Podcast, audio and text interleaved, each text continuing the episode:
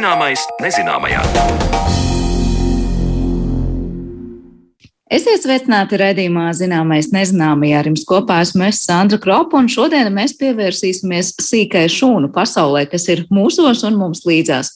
Vīrusu daudzveidīgā pasaulē svarīgu daļu ieņem bakteriofāgi, jeb tā dēvētie baktēriju ēdāji. Tie ir maz pētīti, taču ar lielu potenciālu nākotnē palīdzēt cilvēkiem. Kas ir bakteriofāgs un ko par tiem zinām, par to jau pavisam drīz runāsim studijā, bet pirms tam uzzināsim, kas ir paraprobiotiķi.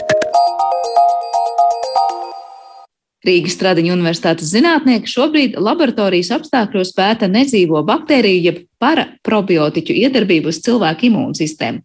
Iespējams, šis vārds paraprobiotiķi liek aizdomāties, vai tās ir tās pašas labās baktērijas, ko iesaka lietot gremošanas veicināšanai.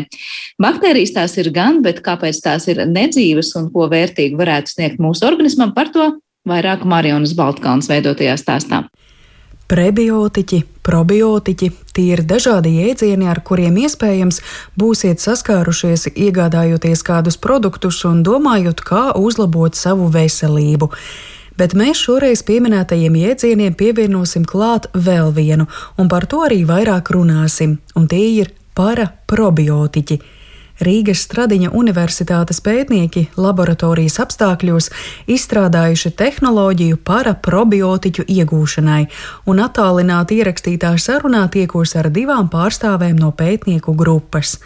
Mikrobioloģijas un virusoloģijas institūta vadošā pētniece un projekta zinātniskā vadītāja Vaira Saulīte skaidro, ka vārda daļa para tulkojumā nozīmē līdzīgs vai arī blakus un līdzības ir ar jau zināmajiem probiotiķiem. Tātad probiotiķi ir dzīvās baktērijas, ko mēs varam apēst un kas mums sniedz kādu labumu. Bet par ko tad ir runa para probiotiķu gadījumā? To paskaidro Vaira Saulīte.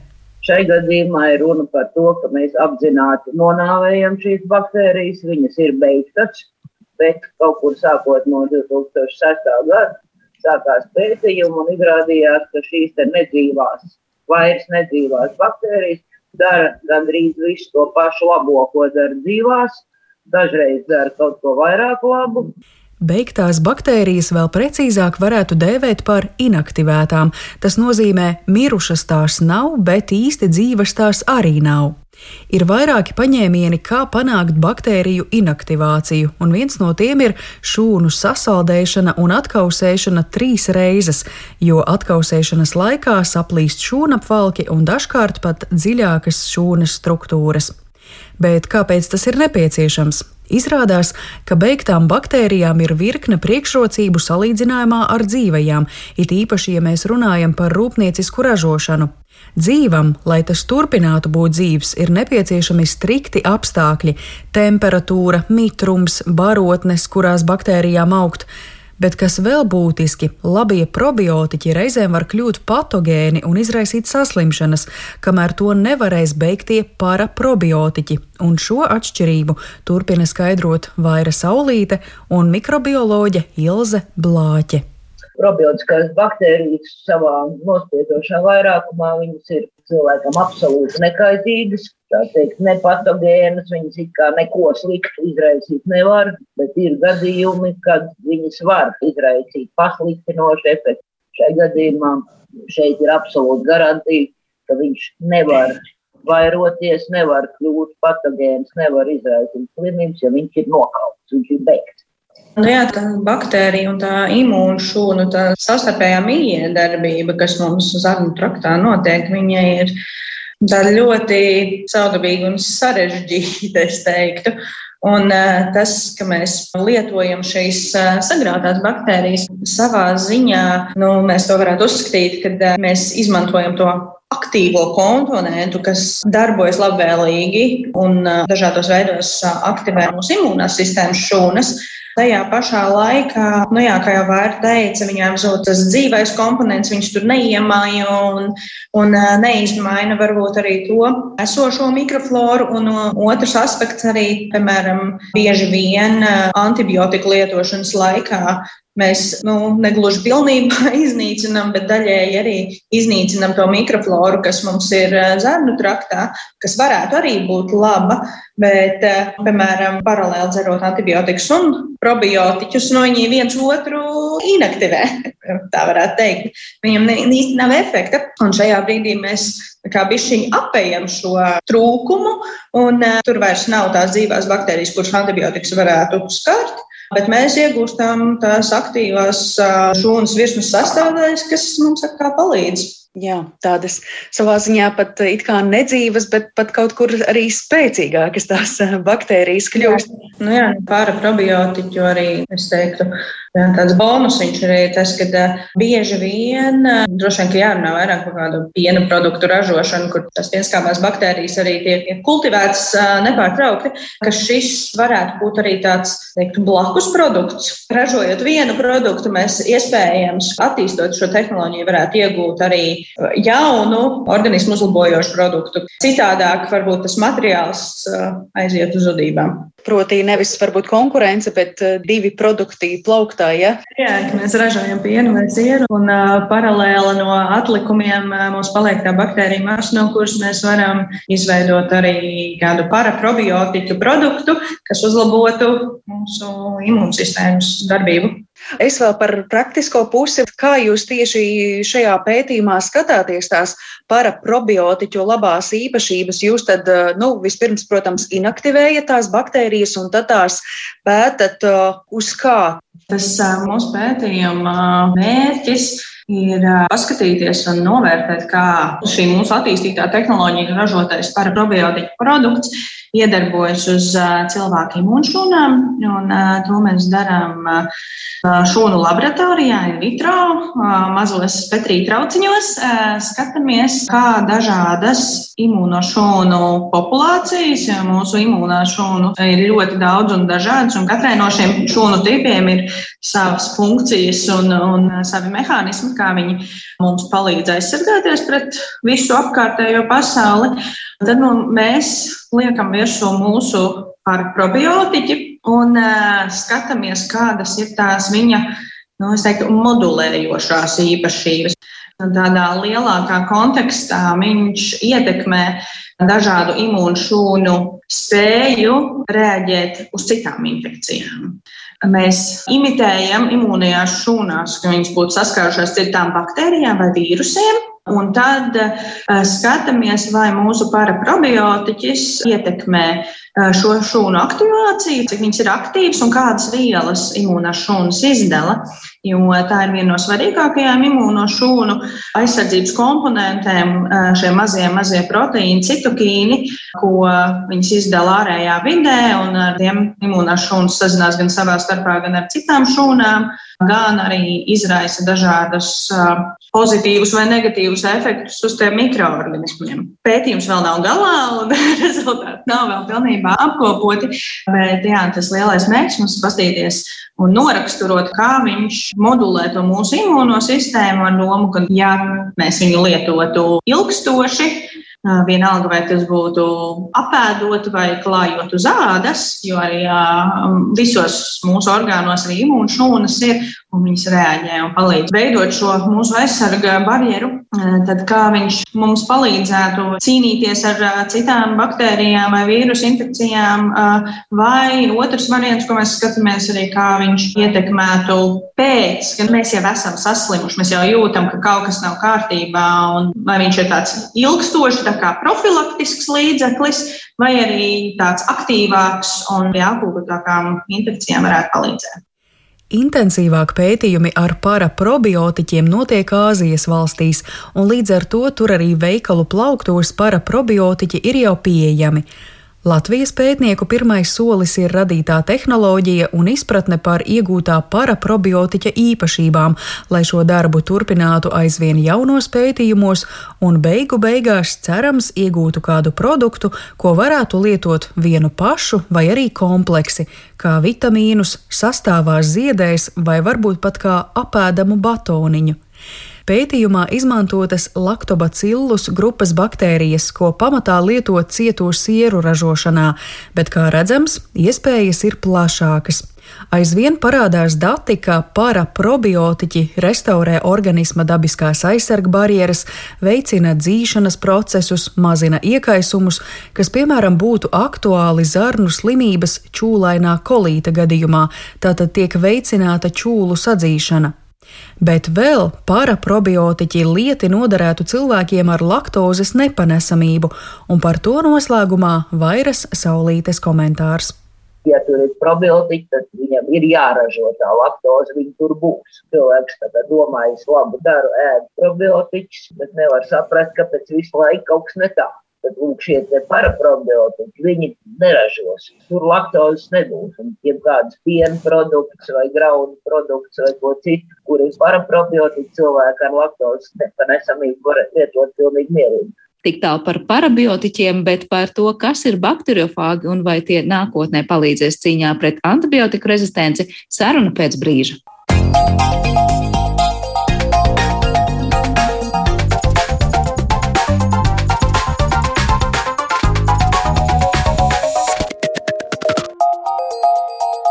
Zināmais nezināmajā.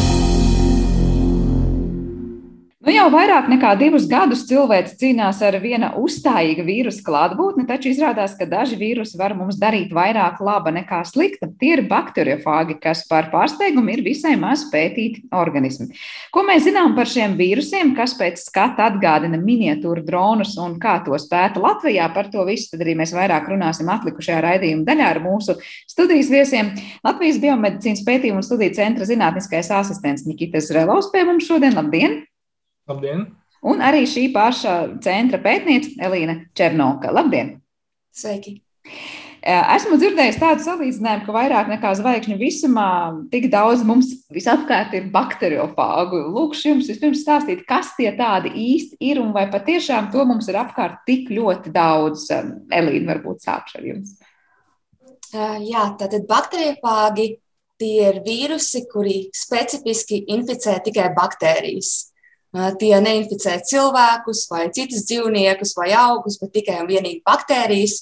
Un līdz ar to tie arī mīt visās vidēs, kur dzīvo to saimnieki. Ja? Dažādas baktērijas, dažādās vietās dabā, gan augsnē, gan ūdeņos, dzīvniekos, uz mūsu ādas. Ja? Baktērijas un bakteriofāgi ir visur. Tā kā visur, kur baktērijas, tur bakteriofāgi, un tad jau laikam salīdzinājums par to, cik, cik zvaigžņu visumā varētu būt diezgan nu, tūs patiesībai. Ja? Es teiktu, ka jā, zinātnieki to ir pat mēģinājuši aprēķināt, cik fāgu varētu būt dabā, un fāgi tas ir saīsinājums no bakteriofāga. Um, un tad tā doma ir tāda, ka, ja mēs saskaitām kopā visas baktērijas, visticamāk, ka fāgu tik un tā ir desmit reizes vairāk. Nu, tā, to ēdāju baktēriju ir vairāk nekā pašu baktēriju. Nikita droši vien arī būs ko piebilst un paskaidrot par to, kas tad ir šie baktēriju. To bakteriofāgu skaits varētu būt nu, 10, 31 pakāpe. Tas nav atšķirīgu bakteriofāgu, bet vispār nu, šādu vīrusu daļiņu. Tā kā dabā eksistē 10, 31 pakāpe. Un, jā, tas salīdzinājums ar zvaigznēm, tur pēc tiem aprēķiniem, ko es redzu, tā kā zvaigžņu visumā varētu būt 10, 24 pakāpē, kas principā nozīmē, ka miljonus reižu vairāk nekā zvaigžņu visumā ir to fagu. Un, jā, kā jūs pareizi pateicāt, viņus patiešām sauc jā, par bakteriju ēdējiem. Nu, viņus atklāja tur divi kungi vēl iepriekšējā gadsimta sākumā. Tas bija Frederiks Viljams Tvorts un Feliks Dārels. Nu, viņi to neatkarīgi izdarīja, bet viņi toreiz, nu, tā kā virusoloģija var teikt, bija tikai savos aizsākumos. Viņi īsti tur nevarēja zināt, ka tas ir vīrus vēl toreiz, nu, līdz galam. Bet nu, viņi pamanīja, ka, nu, principā, kā viņi to pamanīja, nu, kā mēs tur sējam kaut kādas baktērijas, nu, uz tam petriplātītēm. Tur viņas veido tā, tādu mauriņu, var redzēt, ka pamaiņas krāsa un var redzēt, ka tur aug baktērijas. Un viņi pēkšņi pamanīja, ka tur tajā baktēriju mauriņā ir kaut kādi caurumi. Un kas tie par caurumiem? Nu, viņi domā, ka varbūt tas ir kaut kāds toksins, ko izdala baktērijas, kaut kādas tam līdzīgas. Bet nu, vēlāk tas izrādījās, ka viņi bija to pirmo vīrusu atklājēji. Un tas vārds, nu, tā kā bakteriofāgi patiešām no sengrieķu un bakteriju ēdēji, tas nu, pieder tam Feliksam Dārēlam, un tas ir nu, viņa publikācijas, kura bija 1917. gadā. Vēl. Un viņi uzreiz, protams, saprata, ka tos var pielietot arī nu, kā antimikrobioloģijas līdzekļus. Ne, neskatoties uz to, ka viņi nezināja īsto dabu, ko viņi tur ir atklājuši, nu, viņi redzēja, ka tas nu, aptur bakteriju augšanu. Nu, un, principā, jā, jau toreiz bija aizsekti mēģinājumi, vēl kad nekas nebija zināms par antibiotikiem. Jau toreiz mēģināja izmantot no tos bakteriofāgus cīņai pret baktēriju izraisītām slimībām. Un, principā, viņi ir devuši ļoti lielu ieguldījumu vispār molekulāras bioloģijas sākumu, nu, vispār molekulāras bioloģijas attīstībai. Var teikt, ka, principā, lielākā daļa molekulāras bioloģijas, kas mums tagad ir pieejams no paņēmieniem un tā tālāk, tas ir pateicoties nu, savulaik veiktajiem bakteriofāgu pētījumiem. Bet droši vien salīdzinot tos pētījumus par bakteriofāgiem tajā pagājušā gadsimta sākumā ar to, arī pie kā strādājat jūs, abi divi laikam ir kā diena pret nakti, ja, jo tas, kā šobrīd mēģina izzināt un izpētīt šos baktēriju ēdājus, ir, ir tiešām ļoti, ļoti, nu, prātam, pat neaptveram līdz kādai pakāpei. Par to mēs arī parunāsim pavisam drīz. Es tikai gribēju vēl lūgt jūs pastāstīt, nu, kāds ir tas princips. Es te teicu, raidījuma sākumā, vai tiešām tādiem maziem droniem līdzīgi izskatās. Ko šie bakteriofāgi ar šīm baktērijām dara? Vai tas ir tiešām tā, ka viņi atnāk, uzbruk viņai, es nezinu, tur atstāja savu DNS tajā baktērijā un tad, var teikt, to iznīcina, pakļauj, apēd vai, vai, vai kā. Jo parasti par vīrusiem mēs esam dzirdējuši teikt, nu, ka viņiem nemaz tas savs organisms, kuru viņš ir uzlūkojis, nav jānogalina. Ja? Viņam patiesībā ir izdevīgi dzīvot ar kādu visu laiku kopā. Kā šī bakteriofāgu vispār koncepts iet kopā ar to, kā mēs par vīrusiem domājam? Nu, Nikita, varbūt sākšu. Principā viņam, jā, nu, var teikt, ka lielākoties viņam ir divi atšķirīgi dzīves cikli. Nu, viens saucas par mēreno ciklu, un otrs par virulentu. Un tas virulentais patiešām, kā jūs teicat, nu, spēlēt kaut kur faks. Nu, viņi pārvietojas, protams, paši viņi nevar pārvietoties. Tas ir pasīva difūzija. Nu, vienkārši kaut kur viņš peld, pēkšņi pieķeras blakus baktērijai, atrod tur receptoru, iesažas, iešpricē savu ģenētisko materiālu, un, ja tas ir virulentais fakts, tad tas viss noved pie šūnas nāves. Tur pēc noteikta laika. Nu, tas var būt no pāris desmitiem minūtēm līdz ņemt vērā, ja tas ir baktērija nelabvēlīgi apstākļi. Jo tie fagi ir, nu, kā visi citi vīrusi, nu, metabolie parazīti, viņi, viņi izmanto nu, saimnieka metabolismu. Tā kā, ja baktērija jūtas labi, tad viņa ātri nomirst, tā teikt, no tā faga. Ja baktērija nav pārāk labi, tad viņš tur lēnāk producēs un tā tālāk, un tad nu, tas aizņems ilgāku laiku. Bet tie mērenie fagi ir, nu, kā jūs teicat, ka viņus pat daži pētnieki uzskata varbūt nevis par parazītiem, bet par kaut kādiem varbūt pat, nezinu, kā to nosaukt. Nu, jā, par kaut ko, kas dod labumu pat eh, varbūt pašai baktērijai. Jo viņi ir tā atšķirība, ka viņi var paslēpties baktērijas ģenētiskajā materiālā un viņi izvēlas nenogalināt savu saimnieku, bet vairoties kopā ar saimnieku. Tā teikt, viņi neproducē jaunas daļiņas, negrib izdarīt tai baktērijai pāri, viņi vienkārši tā kā, paliek tā teikt, par daļu no baktērijas. Un tas var principā, rezultēties ar to, ka baktērijai pat tiek piešķirtas kaut kādas jaunas īpašības. Ja uzlabojas metabolisms, vai nu pat eh, bijuši pētījumi, ka daži fagi pat antibiotiku rezistences genus var pārnest, tā kā padarīt eh, bakteriju tieši neuzņemīgu pret antibiotikiem, vai pat viņi var eh, kaut kādus toksīnus, no tas labs piemērs ir, nu, kā Ešerihija koli, zarnu muiņa, visiem zināmā, bet ir tur daži koli fagi, kuri inficē tos zarnu muiņas, kuri var tā kā šīga toksīnu ienest tur iekšā. Un tad tas izraisa arī slimības, nu, tā kā parastajā baktērija paliek par patogēnu. Bet tas, ko jūs tikko teicāt, varbūt Elīna var pakomentēt cīkāk arī. Uh, No vienas puses izklausās, ka tad, ja to baktēriju nemaz neapēd, un tā baktērija, nu, kādā veidā tas bakteriofāks veids to savu funkciju, ja viņš patiesībā piešķir viņai jaunas īpašības. Nu, tātad šis virulentais cikls, par ko Nikita stāstīja, ir tāds, ka vīrus iešpricē savu ģenētisko materiālu baktēriju šūnā, un tagad visi šūnas resursi tiek vērsti, lai saražotu jaunas vīrusa daļiņas. Un kaut kādā brīdī tā šūna principā ir pilna ar jauniem vīrusiem, un šiem vīrusiem gribās no šūnas tikt ārā, tad viņi tā veic tādu koordinētu darbību, um, kuras rezultātā šūnas apvalkā un šūna falkā izveidojās caurumi.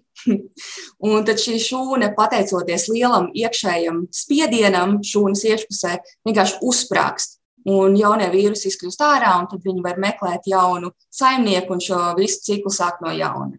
Un, nu, jā, tas ir tas variants, kad vīrusa infekcija beidzas ar baktērijas bojāēju. Un tad ir šis mērenais cikls, kur baktērijas bojājai nenotiek, bet vīrusi no mērenā cikla var atkal pārslēgties uz virulento ciklu, un tādā veidā mēs atkal, eh, nu, kā, viss beidzas ar to, ka šūna uzsprāgst un jaunie vīrusi nokļūst ārā.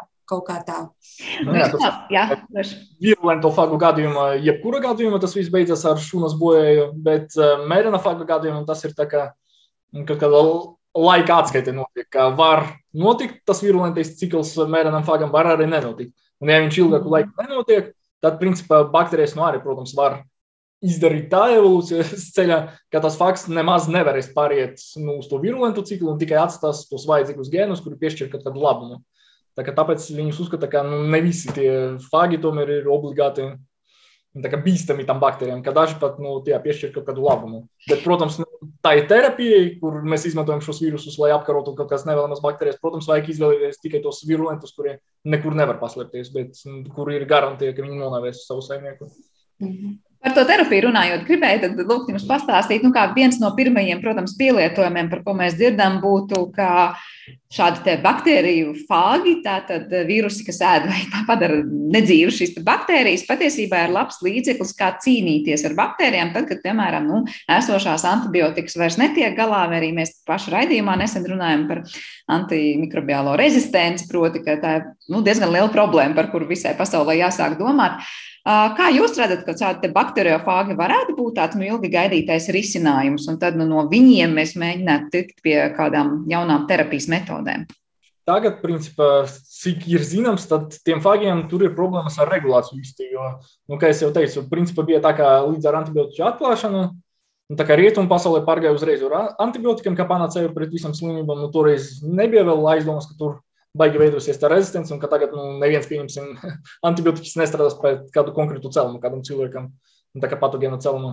Bet, jā, austrumos, principā, nu, tā kā bijušajā PSRS valstīs, jā, notika tie, tieši bakteriofāgu pētījumi tālāk, un nu, tagad, principā, nu, tie zināmākie centri, laikam, ir divi, kur patiešām var pasūtīt, nu, teikt, individuālu terapiju, ja ir kaut kādas problēmas. Tad tas ir, nu, Grūzija LEAVA institūts, Un, principā, tas arī ir tas institūts, ko palīdzēja veidot tas viens no fagu atklājējiem, tas DRLs. Viņš atbrauca tur uz PSRS, sadraudējās tur ar tiem grūzīniem, viņi uztaisīja centru. Pēc tam, protams, viss tur slikti beidzās ar to, ka, ja es pareizi atceros, tad Stalins dažus no viņiem sašaudīja. Nu, tas DRLs pazuda, protams, no tas Grūzijas, bet centrs joprojām turpina darboties. Un otrais ir, ja es nemaldos, Polija, jā, imunoloģijas un eksperimentālas terapijas institūts. Nu, tur arī viņiem ir tā kā kolekcijas kuras ir tieši ot, vairāki bakteriofāgi, kuri spēj inficēt svarīgus cilvēku patogēnus. Un, principā, tas notiek tā, ka pie viņiem var atbraukt uz ārstēšanu, vai pat nebraukt klātienē, bet var atsūtīt nu, savu to izolātu.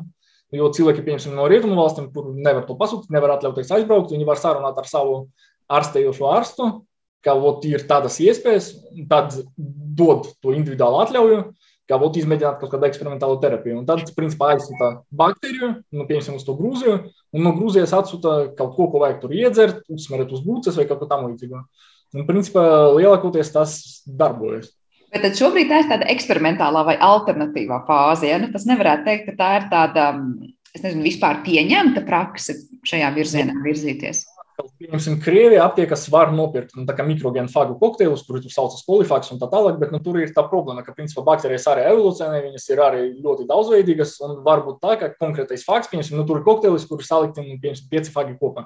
Nu, viņi pārklāj kaut kādu saimnieku spektru, ka viņi ot, tur tiek domāts, ka viņi tur nonāvēs, nu, jebko, ko viņi sastāvs. Bet paiet pāris gadi, ja tas netika pārskatīts, tas kokteļa sastāvs, tad viņš var jau nedarboties, tāpēc tas no liela mēroga tirgošana, kā aptiekam, tad tas ir mazāk efektīvi nekā individuāli piemeklēta terapija konkrētam gadījumam. Bet tas, protams, mm. ir daudz sarežģītāk, jo principā tur patiešām jāoperē ar lielām kolekcijām, un tas aizņem kaut kādu laiku ja tam cilvēkam ir pavisam slikti, tā kā dēļ tās antibiotiku rezistences, ka vairs antibiotiku neņem, tad tur diezgan ātri jādomā par to, nu, lai piemeklētu vajadzīgos fagus tur un tā. Ja es varu papildināt, tā būs nedaudz citādāka pieeja, un es domāju, ka nākotnē viņa līdzās pastāvēs vēl citiem iespējamiem risinājumiem. Uh, nu, diemžēl literatūrā patiešām jau kādu laiku parādās tāds jēdziens kā pēc antibiotiku ēra, Un, nu, mums ir jādomā par dažādām uh, citām terapijām un citām tehnoloģijām, kuras mēs tad kombinēsim, varbūt vēl ar kaut kādām pāri palikušajām antibiotikām, kuras strādā, lai tad nu, apkarotu nu, visas šīs kā, patogēniskās, mums kaitīgās baktērijas. Un fāgi, viņi nav viens pret viens pielīdzināmi antibiotikām. Viņiem ir savi trūkumi un arī savas priekšrocības. Un, nu, viņus noteikti nevarēs sapasēt kaut kādās tabletēs un pārdot aptiekās, ja viens svarīgs jautājums ir, teiksim, fāgu uzglabāšana. Tad nākamais svarīgais jautājums ir, um, nu, kā, kā, kādos preparātos tieši mēs viņus dosim cilvēkiem. Tad trešais jautājums, kā mēs atradīsim tos fāgus, kuri derēs pret konkrēto baktēriju. Tādēļ, ka antibiotikas viņas nu, ar dažiem izņēmumiem ļoti neselektīvi uh, nonāvē visas baktērijas. Un tas ir kaut kādā ziņā plus un kaut kādā ziņā arī mīnus. Tas ir plus tādēļ, ka, ja mums ir kaut kāds uh, cilvēks ar kaut kādu saslimšanu, um, viņš atnāk slimnīcu, mums ir ātri jārēģē, mēs viņam vienkārši dodam antibiotikas un ceram, ka tās antibiotikas nonāvēs to, ko tur vajag nonāvēt. Bet ar fāgiem nu, tur ir vēl jāatrod tāda efektīva, racionāla skrīninga sistēma, jo fāgi tomēr ir specifiski uz kaut kādu konkrētu baktēriju sugu vai citu baktēriju taksonu, varbūt pat celmu un tā tālāk. Tad mums ir jāizdomā, kā mēs skrīnēsim šos fāgus, lai atrastu pacientam nu, to derīgo, kurš viņu izārstēs. Tā kā ļoti, ļoti personalizēta pieeja patiesībā bakteriofāgiem būtu. Bet jūs teicāt par to uzglabāšanu, cik ilgi vispār tāds bakteriofāgs, nu, es nezinu, kādi ir viņam piemēroti apstākļi dzīvo. Nu, tad mēs domāsim par to, ka tās ir tiešām kaut kādi kokteļi, kas tiek noturēti konkrētajā temperatūrā vai es nezinu, kādā režīmā, bet vispār cik daudz mēs zinām par to bakteriofāgu dzīvi. Tas, principā, atkarīgs arī no individuāla faga uzbūves, jo sarežģīta nu, tā vīriona struktūra, nu, tieši tā drona kā, jo lielākas iespējas, ka tur kaut kas sabruks un viņš kļūs nespējīgs inficēt savas saimniekšanas. Bet tā, principā, nu, tāda vidēja termiņa uzglabāšanai der plus 4 grādi. Un tur, nu, protams, sanāk, ka, kad mēs runājam par tiem kokteļiem, tur un tā, nu, vispār kā terapeitisko, tad tur tas daļiņu skaits varētu būt nu, kaut kur, nu, es nezinu, 9. pakāpē mililitra. Nu, viņa ir ļoti daudz. Pat ja tur samazinās tas titrs, nu, daļiņu skaits, tad viņš tāpat būs spējīgs kaut ko tur izdarīt. Nu, tas, protams, testē tur un tā, bet nu, arī vislabāk viņu, protams, uzglabāt pie mīnus 80 grādiem, tā kā ļoti dziļi sasaldēt. Un, un tad sanāk tā, ka tas titra samazinājums notiek tikai tā atsaldēšanas brīdī, sasaldēšanas, atsaldēšanas brīdī. Bet tad tie ledus kristāli, viņi spēj sabojāt nu, tās struktūras, bet nu, tad, kamēr viņš stāv iesaldēts, tad tur nekas nenotiek. Un tā kā ilgtermiņā ražošana un uzglabāšana tieši tādas kolekcijas izmanto no to dziļo sasaldēšanu. Bet, ja mēs runājam jau par tiem nu, mikrogēnu kokteilīšiem, kuri aptiekas pār, pārdodas, piemēram, Krievijā, tad tie, cik es saprotu, pie plus 4 arī var vairākus mēnešus stāvēt un joprojām saglabāt savu efektivitāti. Par vāgiem vēl interesanti ir tas, ka tie ir tādi pašregulējoši objekti, tā teikt. Ja mums ir kaut kāda um, baktēriju infekcija un mēs viņai pievadām vienu fāgu, tad viņš tur savairosies lielā skaitā, un tad, kad viņš būs nocīnījis visas tās baktēriju šūnas, viņam vairāk nebūs šī saimnieka, tad viņš atkal nu, lēnā garā nodegradēsies, un viņi tur vairāk nebūs. Līdz ar to teorētiski mums pietiktu arī ar zemākiem fāga titriem šajos preparātos, ņemot vērā, ka viņi spēj pavairoties baktērijas klātbūtnē. Mēs te šobrīd runājam par to, ka no šiem fāgiem tiešām iegūst preparātus atsevišķus, kas būtu tad, uh, izmantojami konkrēti gadījumā ārstēšanā, bet kā ir ar ideju, ka nu, mēs no tiem bakteriofāgiem varam vai nu kaut ko noskatīties, vai kaut kādu mazu daļu izmantot un radīt pilnīgi jaunas antibiotikas, vai šajā virzienā kaut kas tiek darīts un kas tiek darīts. Elīna, varbūt sākšu. Jā, tas ir tieši tas, ar ko mēs šobrīd nodarbojamies īstenībā. Ja viens, viena daļa mūsu pētījumiem ir šī fāgu daudzveidības izzināšana, un ar to vairāk Nikita strādā, bet tālāk es jau skatos atsevišķi kaut kādus mūsu institūtā izolētus bakteriofāgus, un cenšos saprast, kas tad viņiem tur ir iekodēts viņu šajā ģenētiskajā materiālā, un atrast kaut kādus interesantus gēnus, ja, un no gēniem tālāk tiek izveidoti šie proteīni. Un tad tālāk es laboratorijā pētu tos proteīnus, lai labāk saprastu viņu īpašības. Ja var gadīties, ka tas proteīns ir kaut kāds unikāls vai ar interesantām īpašībām, Un, nu, tas ir diezgan apjomīgs pētījums, nevar visu detaļās izstāstīt, bet pēdējos pāris gados mēs esam savu uzmanību vērsuši tieši vienas konkrētas vīrusu proteīnu saimes virzienā, un šo proteīnu saimi sauc par endolizīņiem. Un tā doma ir tāda, ka mums jau nevajag veselu vīrusu, lai iznīcinātu šīs baktērijas. Mēs varam specifiski izolēt to elementu, to proteīnu, kurš pats par sevi tā teikt, sacaurumo baktēriju šūnapvalkus un noved pie šūnu bojājējas. Ja, tad vīrusu dzīves ciklā šis proteīns tiek izmantots no iekšpuses, šūnai, lai pēc tam no viņas tiktu ārā. Bet mēs varam iedomāties, ka kā, savām cilvēku vajadzībām mēs šo proteīnu varam izmantot no ārpuses, kā sava veida antibiotiku. Un, ja mēs to pētām, tas gan ir pavisam jauns virziens, un tad mums ir tā, nu, tāds jauns apakšvirziens. Un tad šobrīd galvenais panākums, kas mums ir izdevies, ir, ka mēs atklājām un atomu līmenī noraksturojām jauna veida endolizīnu, tad jauna veida šo antibakteriālo proteīnu, parādījām arī tā efektivitāti. Tie pagaidām ir nepublicēti dati, bet drīzumā cerams arī tiks publicēti. Tas ir viens. Un tad otrs, mēs esam nu pat uzsākuši tādu jaunu projektu, kura ietveros mēs esam izvēlējušies vairākus šos antibakteriālos proteīnus un mēs viņus mērķiecīgi modificēsim, lai uzlabotu to antibakteriālās īpašības, lai principā padarītu tos efektīvākus pret dažādām baktērijām. Jo nu, tāpat kā fāgu izmantošanai, kā veselu vīrusu izmantošanai ir savas priekšrocības un savu trūkumi, tā arī, protams, endolizīnu izmantošanai ir savas priekšrocības un savu trūkumi. Un tad zinātniekiem vēl daudz kas ir jāatrisina lai šie endolizīni kļūtu par mums pieejamiem terapeitiskiem līdzekļiem. Bet tad sanāk, ka tajā bakteriofāgā ir tiešām viens proteīns, kas atbild par to, var teikt, baktērijas apēšanu, vai nav tā, ka viņš strādā kopā tur vēl ar virkni citu mehānismu, kas ir tajā bakteriofāgā iekšā, un proti, nu, paņemot ārā vienu proteīnu, mēs neimitējam visu to labo darbu, ko izdara bakteriofāgs, bet sanāk no jūs teiktā, ka, nu, pierādās, ka izdara, ja, ja tur tie rezultāti daudz sodoši. Un tur ir atkarīgs eh, no fāga. Ir daži tādi fāgi, kuriem um, izkļūšanai ārā no šūnas ir nepieciešami četri dažādi proteīni, kur eh, kā, cits ar citu miedarbojās tādā kā reakciju kaskādē un noved pie šūnas bojājas. Bet uh, gandrīz vienmēr, mēs praktiski vienmēr viens no šiem proteīniem ir tas endolizīns. Ja, un ko tas endolizīns dara? Viņš, viņš mērķējas uz vienu konkrētu slāni šūnapvalkā, un šis slānis ir saglabāts, evolucionāri konservatīvs starp visām baktērijām, un tad viņš šajā slānī uztaisa caurumiņus.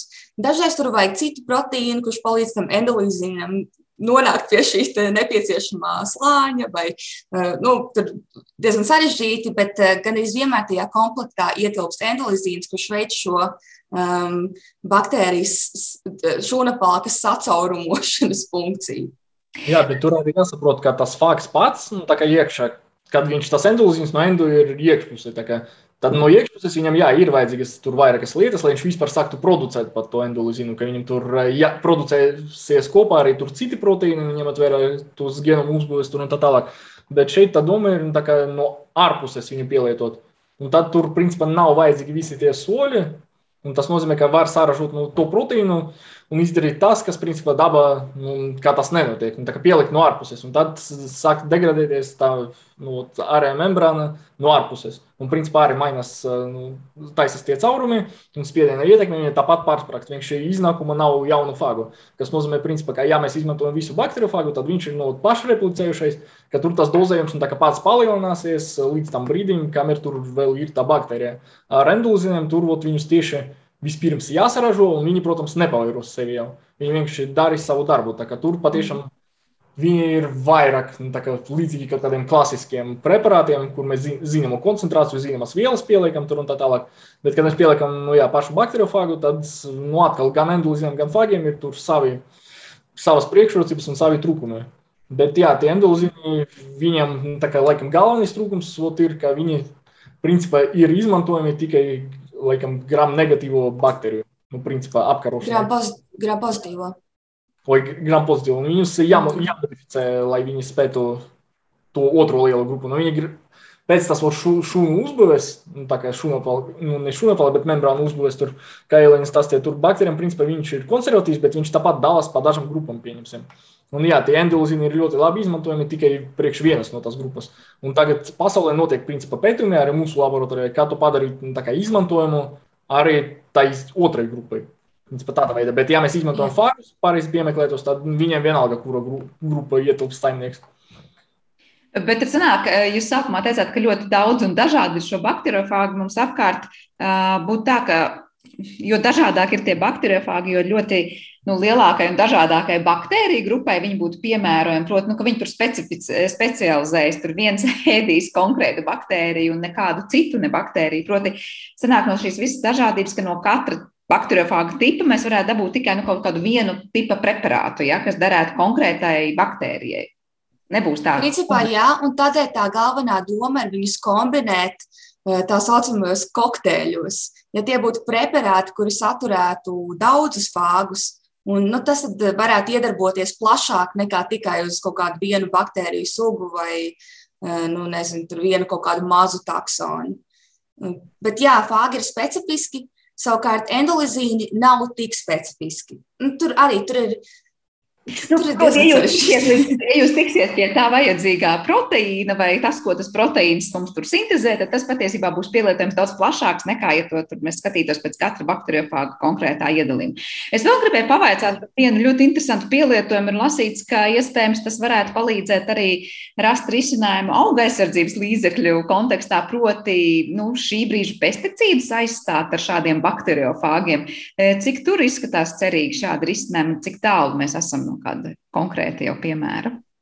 atkarīgs no slimības un, kā, un no paša patogēna. Ir jau daži produkti pieejami, tā kā tirgu no, gan ASV, gan Eiropā. Tur ir no Agrifage, Ervifage, Biolais, nu, tādi arī, ka, principā, piemēram, tomatus apšpricē tur ar to līdzekli, tā teikt, un tad tur nevairojas nu, tās baktērijas, kuras bojā tur tos tomatus. Bet nu, ar to laiku saimniecību jāsaprot arī, ka tas, principā, ne tikai nu, kā kaut kur tur, tur audzē, bet tas var tikt pielietots arī nu, kā pēc tam pie produktu pārvadāšanas, glabāšanas un tā tālāk. Jo, principā, tās baktērijas inficē jau ne tikai, kad tas augs aug. Viņi var jau tikt inficēti tur un bojāti, un tā kā pūst, pieņemsim, tur transportēšana un tā tālāk. Un tāpēc, jā, patiešām, man liekas, ka pēc šī brīža aprēķiniem tur bija apmēram vispār pasaulē 10% no visas augu produkcijas iet bojā no tieši dēļ bakteriālām slimībām. Tāpēc tas ir svarīgs arī virziens, pie kura strādā. Un, kā jau minēju, daži produkti jau ir pieejami un pie citiem tiek strādāts. Bet nu, tas arī diezgan individuāli jāizvērtē, cipa, vai var to bakteriju patiešām apkarot nu, un slimību, ko viņi izraisa. Un šai virzienā mēs arī darbojamies, ka mums ir daži bakteriofāgi no šeit pats mūsu Lat Latvijas biomedicīnas pētījumu un studiju centra kolekcijā, ko principā uztur un izveido nu, vispār šo pētījumu aizsaistījis Latvijā, tā teikt, DNS fagu tieši nu, bioloģijas doktors Andris Dišlers. Un, jā, un principā mēs vēl tagad, mums nesen bija sadarbībā ar kolēģiem no Čehijas eksperimentālas botānikas institūta, kur vēl tieši vēl tos bakteriofāgus viņi mēģināja izmantot modeļu sistēmu, kur ir tā kā pseudomonas baktērija, kura tur izcauc problēmas augiem. Un tad viņi skatījās, kā izskatās augsts, tur pāris pēc augšanas, kad viņš, nu, piemēram, ir apliets tikai ar to baktēriju vai ar baktēriju plus fagu. Un, principā, tika parādīts, no tagad tas recenzēšanā atrodas raksts, bet tika parādīts tas, ka patiešām, kā, ja tur ir tas bakteriofāgs, nevis tikai baktērija, tad tas augsts izskatās daudz veselīgāks. Nu, protams, visveselīgāk viņš izskatās, ja tur nav ne baktērijas, ne fāga, bet no sliktākā gadījumā, ja augsts ir inficēts, tad, protams, nu, var mēģināt glābt situāciju ar to fāgu. Kaut kā tā, bet tur arī, neskatoties to, ka tiek veikti pētījumi un ir jau daži produkti, viņi arī diezgan tādi specifiski. Un tur jāskatās, ka, pieņemsim, no ja tas preparāts tika izveidots nu, Amerikā, tad var ar ļoti lielu iespēju būt tā, ka, ja viņi mēģina izmantot uz kādam citam lauksaimniecības kultūram, kaut kur Ķīnā, ka neskatoties uz to, ka baktērija ir tas etoloģiskais aģents, nu, plus mīnus tas pats, ka viņš var nedarboties. Kā varbūt, pieņemsim, tad tā, ja Ķīnā vajadzētu lokālu arī tādu preparātu veidot vai pārskatīt to formulējumu. Principā varam atrast fāgu jebkurai baktērijai. Un tā tas, teiksim, arī ir nu, šajā Grūzijas institūtā un citur, kur no visas pasaules brauc cilvēki ar, ar kaut kādu slimību, kur ir šķietami neārstējama, ar antibiotikām, kuras lieto šobrīd.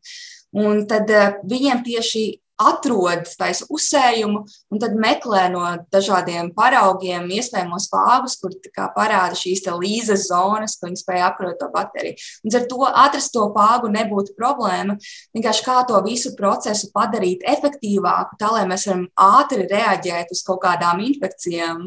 Tā, tas ir atvērts jautājums. Jā, pie tā droši vien darbs vēl turpināsies, bet es gribēju vēl jums vaicāt, lai gan jau tūlīt jābeidz saruna. Mēs runājam par to, kā šie bakteriofāgi ir tādi tā kā, nu, labi aģenti, kas apēd sliktās baktērijas, bet mēs daudz zinām, mums ir arī tā saucamās labās baktērijas, kas ir vajadzīgas mūsu organismam. Vai šādi bakteriofāgi var apēst arī to labo un, un kļūt mums, kā teikt, kaitīgi ar to, ka apēd kaut ko, kas mums ir tieši vajadzīgs? Kā tur ir ar tiem riskiem? Nē, nu, tas ir iespējams, jo katrai baktērijai ir savi fāgi.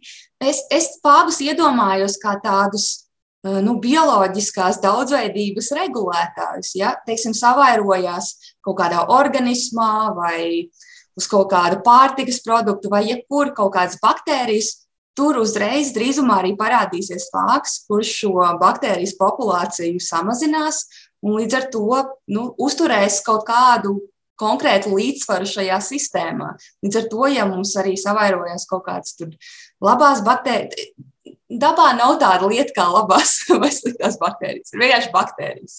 Un ir fāgi, kuri spēj inficēt vienu vai citu baktēriju un kontrolēt to populācijas. Nu, tā kaut kā. Ir pētījumi par to, ka tur dažu fāgu klātbūtnē, nu, cilvēka mikrobiomā, ja tur cilvēku zarnu trakta atrodas pēkšņi kaut kāda liela daudzuma dažu fāgi, ka viņi principā var izsaukt nu, disbiozi un tad nu, problēmas ar mm. zarnu traktu. Teikt, bet tas diezgan reta parādība, jo tomēr atkal nu, mums ir ļoti liela baktēriju daudzveidība. Kā, nu, ja mēs saprotam ar labu baktēriju, baktēriju kura nu, piešķir kaut kādus labus gremošanu, uzlabojumu, nu, ne gremošanu, bet nu, kaut ko tur dara labu tajā, tajā zarnu traktā, tad, principā, viņu vietu uzreiz aizņems kaut kāda līdzīga baktērija, kura veic tās pašas funkcijas. Ja atbrīvojas ekoloģiska niša, tad, principā, nekur daba nebūs tā, ka viņa paliks brīva ilgu laiku. Tad atnāks kāds cits, kurš viņu aizņems. Tad var teikt, jā, bakteriofāga patiesībā ir stāsts par tādu līdzsvaru un, un nevēl salīdzināt ar bioloģiskās daudzveidības regulēšanu, ja mēs runājam arī par mūsu mikrobiomu regulēšanu. E, taisnība, ja tad mūsos visu laiku patiesībā arī dzīvo gan dažādas baktērijas, gan dažādi bakteriofāgi, arī tad, kad mēs esam sveiki un veseli. Taisnība? Jā, mēs, Jā. E, es kaut ko nesen klausījos par to, ka viena zinātnieka izpētīja, ka uz cilvēku plaukstas ir kaut kādi, nezinu, cik tur miljardi fāgu jebkurā momentā. Eh, tā kā jā, visur, kur ir baktērijas, ir fāgi, un ar viņiem notiek tāda līdzsvarota cīņa un koevolūcija. Nikita, laikam, gribēja ko piebilst par to jā, daudz. Bija nu, arī aprēķināts no cilvēka fekālā filtrāta, kurus tur izmanto. Tā tālāk, tur arī ir tā kā viena mililitra, varbūt līdz pat 10,8 pakāpe. Tā kā viņu ir ļoti daudz, un mums, protams, mēs zinām, ka mums ir ļoti daudz baktēriju mūsu iekšā, un tur ir arī, protams, daudz fāgu. Un īstenībā arī tā daudzveidība ir starp cilvēkiem, tā kā atšķiras, kādi fagi viņiem ir.